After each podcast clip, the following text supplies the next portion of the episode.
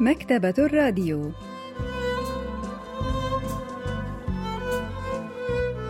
أهلا وسهلا بكم في حلقة جديدة من البرنامج الأسبوعي مكتبة الراديو الذي نستعرض من خلاله كتابا جديدا كل أسبوع.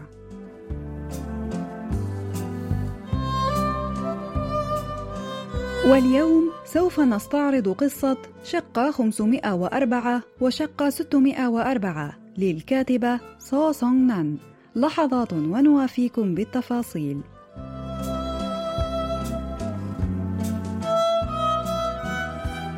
نشرت قصة شقة 504 وشقة 604 للكاتبة سو سونغ نان عام 2015 وهي تدور حول جارتين تسكن إحداهما في الشقة 504 في الطابق الخامس والأخرى في شقة 604 في الطابق السادس.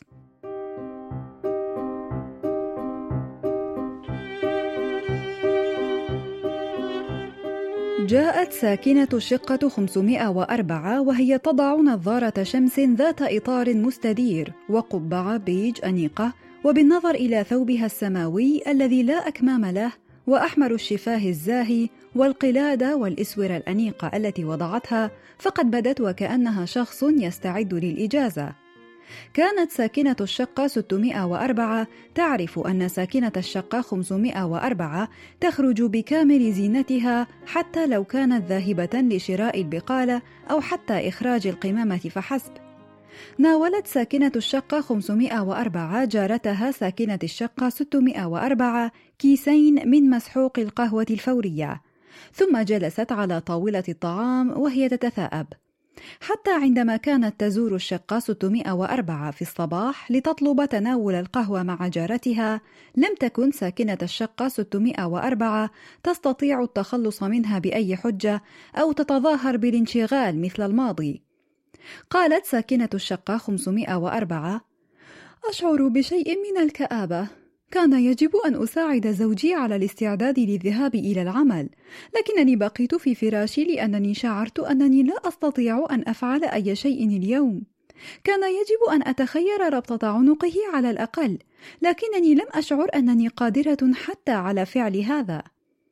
كانت ساكنة الشقة رقم 504 تدعي أنها تشعر بالكآبة، لكنها كانت تتحدث بغنج كعادتها. واصلت حديثها قائلة: قهوة الكابوتشينو هذه أحضرها أحد مرؤوسي زوجي من باريس ألم أخبرك أن زوجي مدير أحد الفروع من مصرفها؟ إنه يتلقى الكثير من الهدايا من زبائنه حتى أنني لا أعرف ماذا أفعل بها كلها الكثير من صناديق الفاكهة وأضلع اللحم والمكملات الغذائية الصحية كلها نحتفظ بها في الشرفة كيف هو مذاق الكابوتشينو؟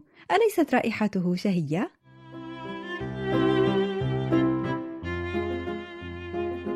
تجرعت ساكنة الشقة 604 الكابوتشينو الفوري العادي الذي يمكن شراؤه من أي سوبر ماركت بكل سهولة على خلاف وصف ساكنة الشقة 504 لم تهتم ساكنة الشقة رقم 504 بكون كذبها واضح سهل الانكشاف. قبل أربعة أيام كانت وظيفة زوجها أستاذ جامعي في كلية الفنون الجميلة. كانت تغير وظيفته باستمرار في طيات كلامها حسب مزاجها فكان منتجا اذاعيا تارة واستاذا جامعيا تارة أخرى بل سبق أن ذكرت أنه يعمل جراحا تجميليا وطبعا مدير فرع مصرف. كانت ساكنة الشقة رقم 604 الجارة الوحيدة التي تتحمل مظهر ساكنة الشقة 504 المبالغ فيه وصوتها المرتفع وأكاذيبها المبالغ فيها. كانت يئن ابنتها ترتاد نفس المدرسة التي ترتادها سار إي ابنة ساكنة الشقة رقم 604 لكن لا أحد من أولياء الأمور في المدرسة ولا من ساكن البناية كان يرغب في التحدث مع ساكنة الشقة رقم 504 كان الجميع يسخر من تظاهرها المستمر بالأناقة ويرون أن أي شيء تتفوه به إما أن يكون كذبا وإما تهيؤات لا أكثر. والسبب الذي جعل ساكنة الشقة 604 لا تتجاهلها كالآخرين هو أنها كانت قد بدأت مؤخرا في العمل في مجال مساحيق التجميل بعد أن فقد زوجها وظيفته. وكانت ساكنة الشقة 504 هي أول زبائنها. فقد اشترت منها مصاحيق التجميل غالية الثمن التي تبيعها بالتقسيط بعد أن دفعت 10% من قيمتها كمقدم. ولذلك فلم يكن بوسع الجارة أن تتجاهلها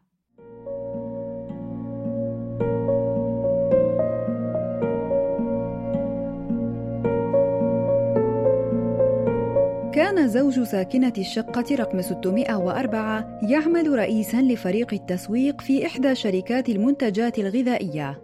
لم يتأخر على موعد الذهاب إلى العمل قط، وكانت علاقته طيبة بجميع زملائه. لكن كل شيء انتهى فجأة في يوم من الأيام. سوف أحصل على مرتب التعويض عن البطالة لمدة ستة أشهر. ابحثي عن عمل قبل أن تنتهي مدة التعويض. وبهذه الطريقة أخطرها بأنه قد فقد عمله بطريقة غير مباشرة. كانت هناك مؤشرات أن شيئا ما لم يكن على ما يرام قبل هذا، لكنه لم يكن من الرجال الذين يناقشون مشاكل العمل في المنزل.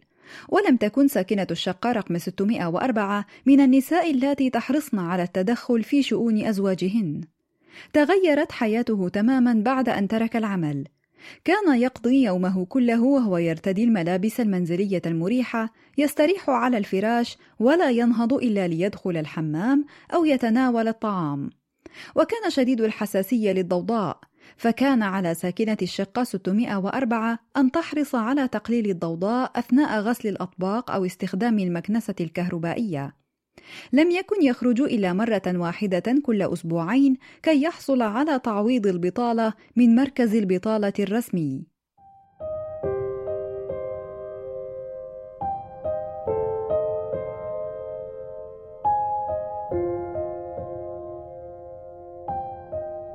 راحت ساكنة الشقة 604 تتأمل خزانة الملابس الفارغة وظهر زوجها العاري. كان ظهره موجها إليها، راح يلتقط الملابس من على الأرض واحدة واحدة.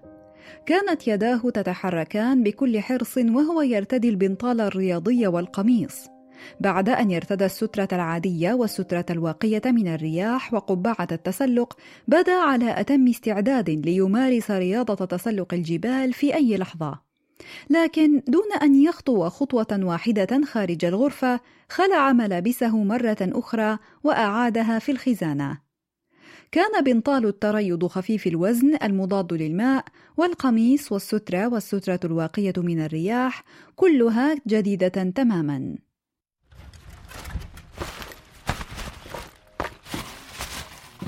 راح يفتش خزانة الملابس والأحذية ومخزن الشرفة وكأنه لص في منتصف الليل داخل خزانة الأحذية كان هناك زوج من أحذية التسلق والعصيان الخاصة بالتسلق كان مخزن الشرفة يحتوي على حقيبة ظهر كبيرة مليئة بجميع أنواع أدوات التسلق.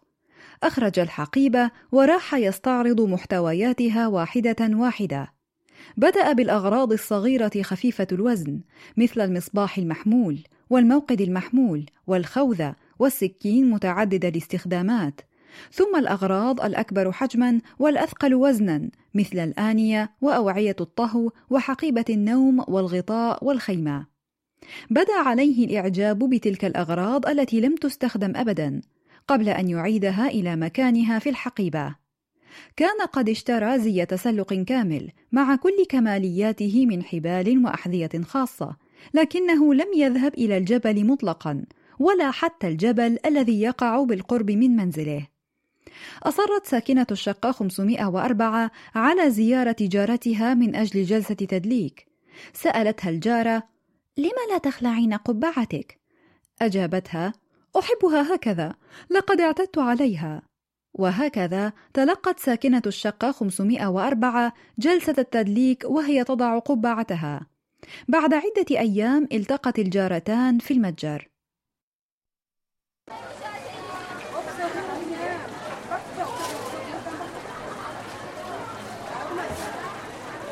رأت ساكنة الشقة 604 جارتها ترتدي قميصا قصير الأكمام. وبنطالا واسعا وقبعة بيضاء. كانت على وشك لفت انتباه ساكنة الشقة رقم 504 لتحيتها. لكنها لمحتها تأخذ زجاجة ويسكي بسرعة البرق من على رف المعروضات بالمتجر وتخفيها في حقيبتها في لمح البصر.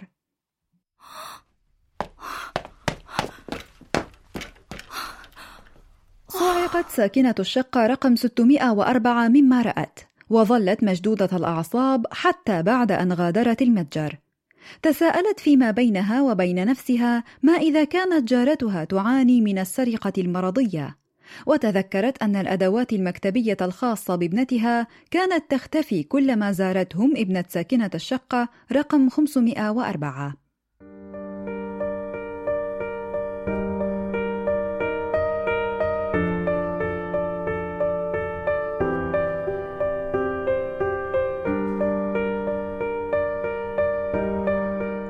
كلما شكت الابنة من ضياع أقلامها الملونة أو كشكولها الذي تغطيه رسوم الزهور كانت والدتها ساكنة الشقة رقم 604 توبخها لأنها تضيع أغراضها ثم تثير المشاكل. وفي مرة من المرات كانت تخرج أكياس القمامة بعد أن وضعت بعض الأطعمة الخفيفة لابنتها وابنة جارتها وعند عودتها رأت يئن ابنة جارتها التي كانت ضيفة عندها في ذلك الوقت تعبث في حقيبتها الشخصية التي كانت متروكة على المنضدة. وعندما التقت عيناهما تركت يئن الحقيبة فورا وانطلقت إلى داخل الغرفة. ارتدى زوج ساكنة الشقة رقم 604 عدة التسلق الكاملة وخرج في منتصف الليل وعاد في الصباح الباكر. تكرر الأمر. كانت تجد ملابسه المتسخة المتعرقة في الغسالة ولم يكن يسمح لها بفتح الستائر في الصباح كي يتمكن من النوم حتى وقت متأخر. أخبرها حارس البناية عن أمر عجيب حدث في الليلة السابقة. لم يكن هو الوحيد الذي رأى زوج ساكنة الشقة رقم 604 وهو يتسلق بالحبال نازلا من شرفة الطابق السادس. لم يملك الحارس الا ان يصلي من اجل ان يصل الرجل الى الارض سالما لم تستطع ان تفهم سبب نزول زوجها تسلقا من شرفه الطابق السادس في منتصف الليل لكن لماذا تسلق زوج ساكنة الشقة 604 نازلا من الطابق السادس؟ البروفيسور بانغ مين هو أستاذ الأدب الكوري بجامعة سيول الوطنية يحدثنا عن ذلك. 이 남자가 아파트를 그 자해를 타고 내려간다라고 하는 것은 لا شك أن زوج ساكنة الشقة 604 قد كافح كي يتسلق سلم الترقيات في شركته وتسلقه نازلا من شرفة الطابق السادس في بنايته يرمز لرغبته في التخلي عن سباق تسلق درجات الترقيات والراتب ولم يعد يريد التسلق للأعلى بل يريد التسلق للأسفل ما أرادت الكاتبة أن تخبرنا به هو أنه قد بذل مجهودا كبيرا كي يبقى في منصبه في الشركة وأن حياته حياته خارج المنزل تلك الحياة التي لم تعرف زوجته أي شيء عنها.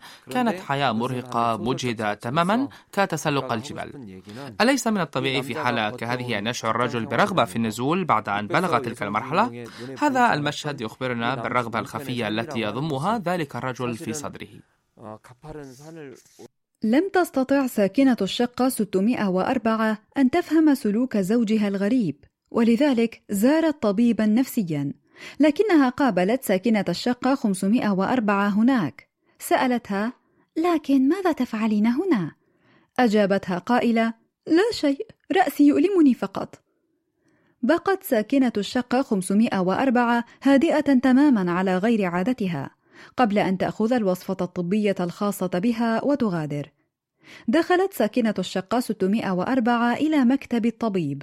أخبرته أنها لم تعد تريد الخروج نهارا لأنها تخاف بسبب أشعة الشمس وأنها تمشي أثناء نومها في الليل. سألها الطبيب إن كانت قد مرت بتغير مفاجئ في محيطها أو بحدث معين شكل لها ضغطا نفسيا كبيرا. لم تتردد لحظة قبل أن تخبره كذبا أن زوجها مات في حادث. قال الطبيب إن الأدوية وحدها لن تساعدها وطلب منها أن تتردد عليه بانتظام لتتلقى جلسات علاج. بعد أن عادت إلى المنزل وضعت المهدئات لزوجها في الحساء. أتى الدواء بنتيجته في الأيام الأولى، لكن زوجها سرعان ما عاد إلى مغامرات التسلق الليلية.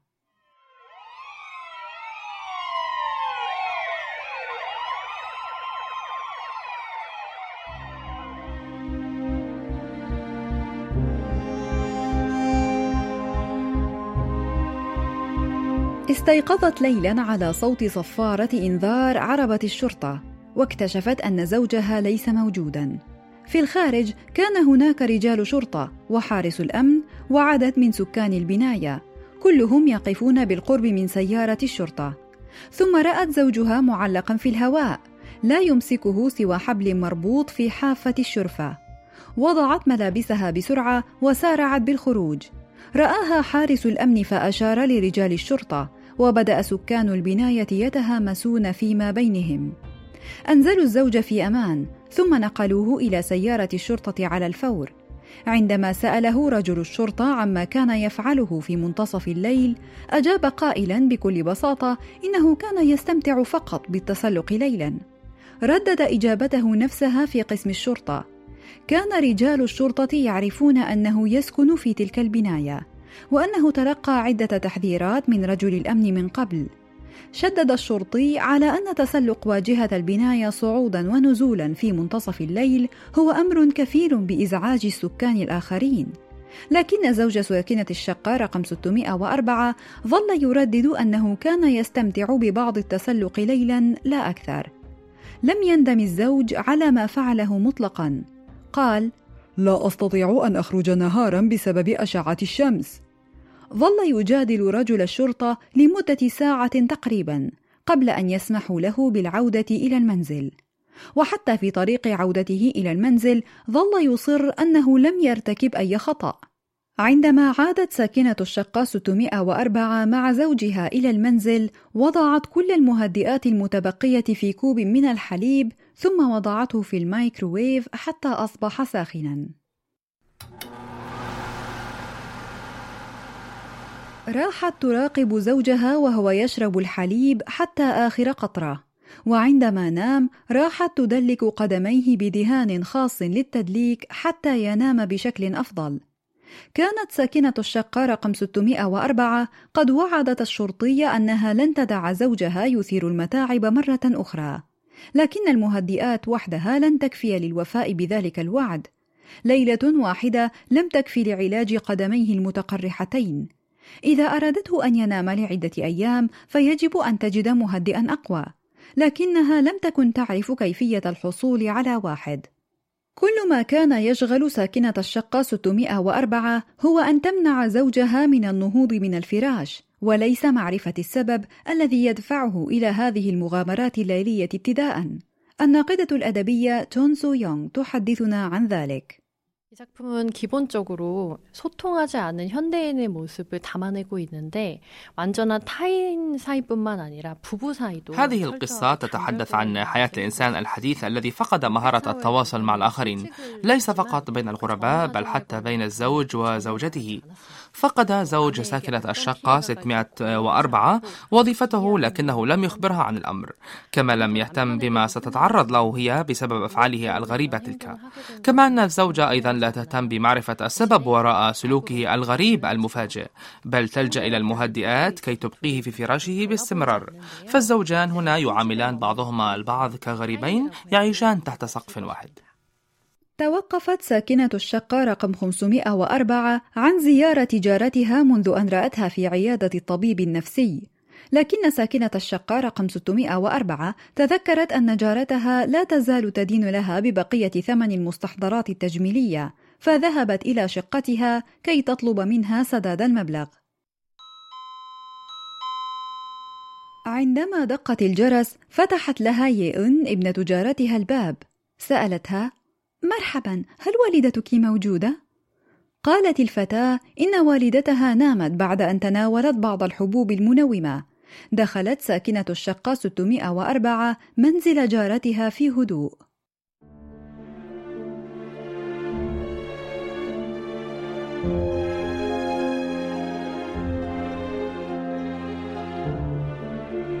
كانت هذه هي المرة الأولى التي تدخل فيها الشقة 504 فجارتها لم تدعها للزيارة أبدا.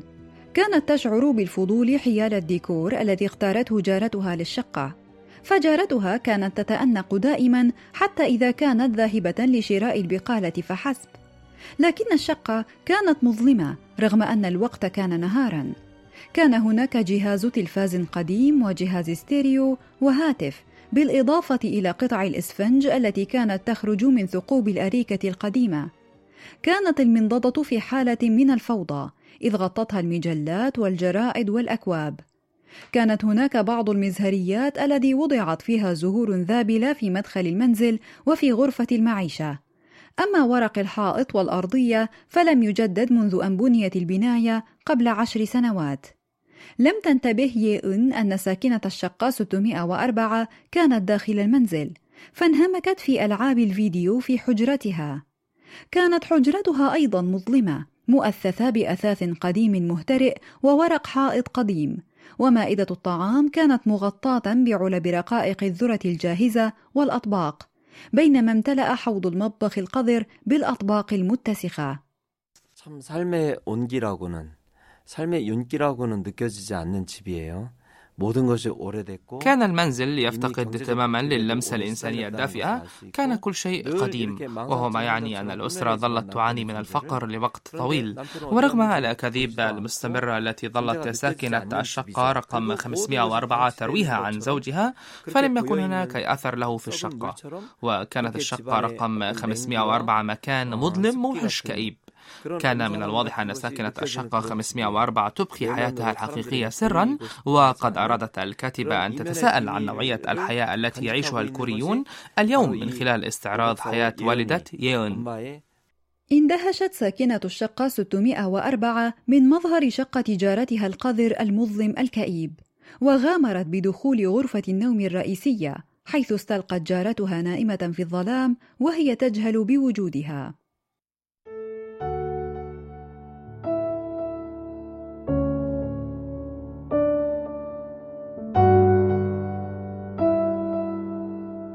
تبدو ساكنة الشقة 504 أنيقة على الإطلاق الآن. في خزانة الملابس التي انكسر بابها وضعت الأثواب والسترات والجونيلات التي كانت والدة يئن ترتديها كثيرا. أما قبعاتها الكثيرة فكانت ملقاة على الأرض كيفما اتفق. اقتربت الجارة من الفراش وتأملت صورة مؤطرة على المنضدة. كانت الصورة تظهر أم يئن وهي تحمل طفلتها التي بدت في الثالثة أو الرابعة من العمر. حاولت الجارة أن تغادر الحجرة بعد أن وضعت الصورة مكانها، لكن والدة يئن بدأت تتقلب في فراشها في هذه اللحظة. هنا فقط أدركت السبب الذي جعل والدة يئن تصر على عدم خلع قبعتها أبدا حتى أثناء جلسات التدليك، فقد بدا رأسها الأصلع غريبا في عيني الجارة. صدمها منظر رأس والدة يئون الأصلع تماما كما صدمها منظر قدمي زوجها المتقرحتين. كانت والدة يئون دائما ما تخفي تلك البقعة الصلعاء التي تناظر كف طفل في حجمها بقبعاتها الأنيقة الفاخرة. طلبت الجارة من يئون أن تقفل الباب قبل أن تغادر شقة والدة يئون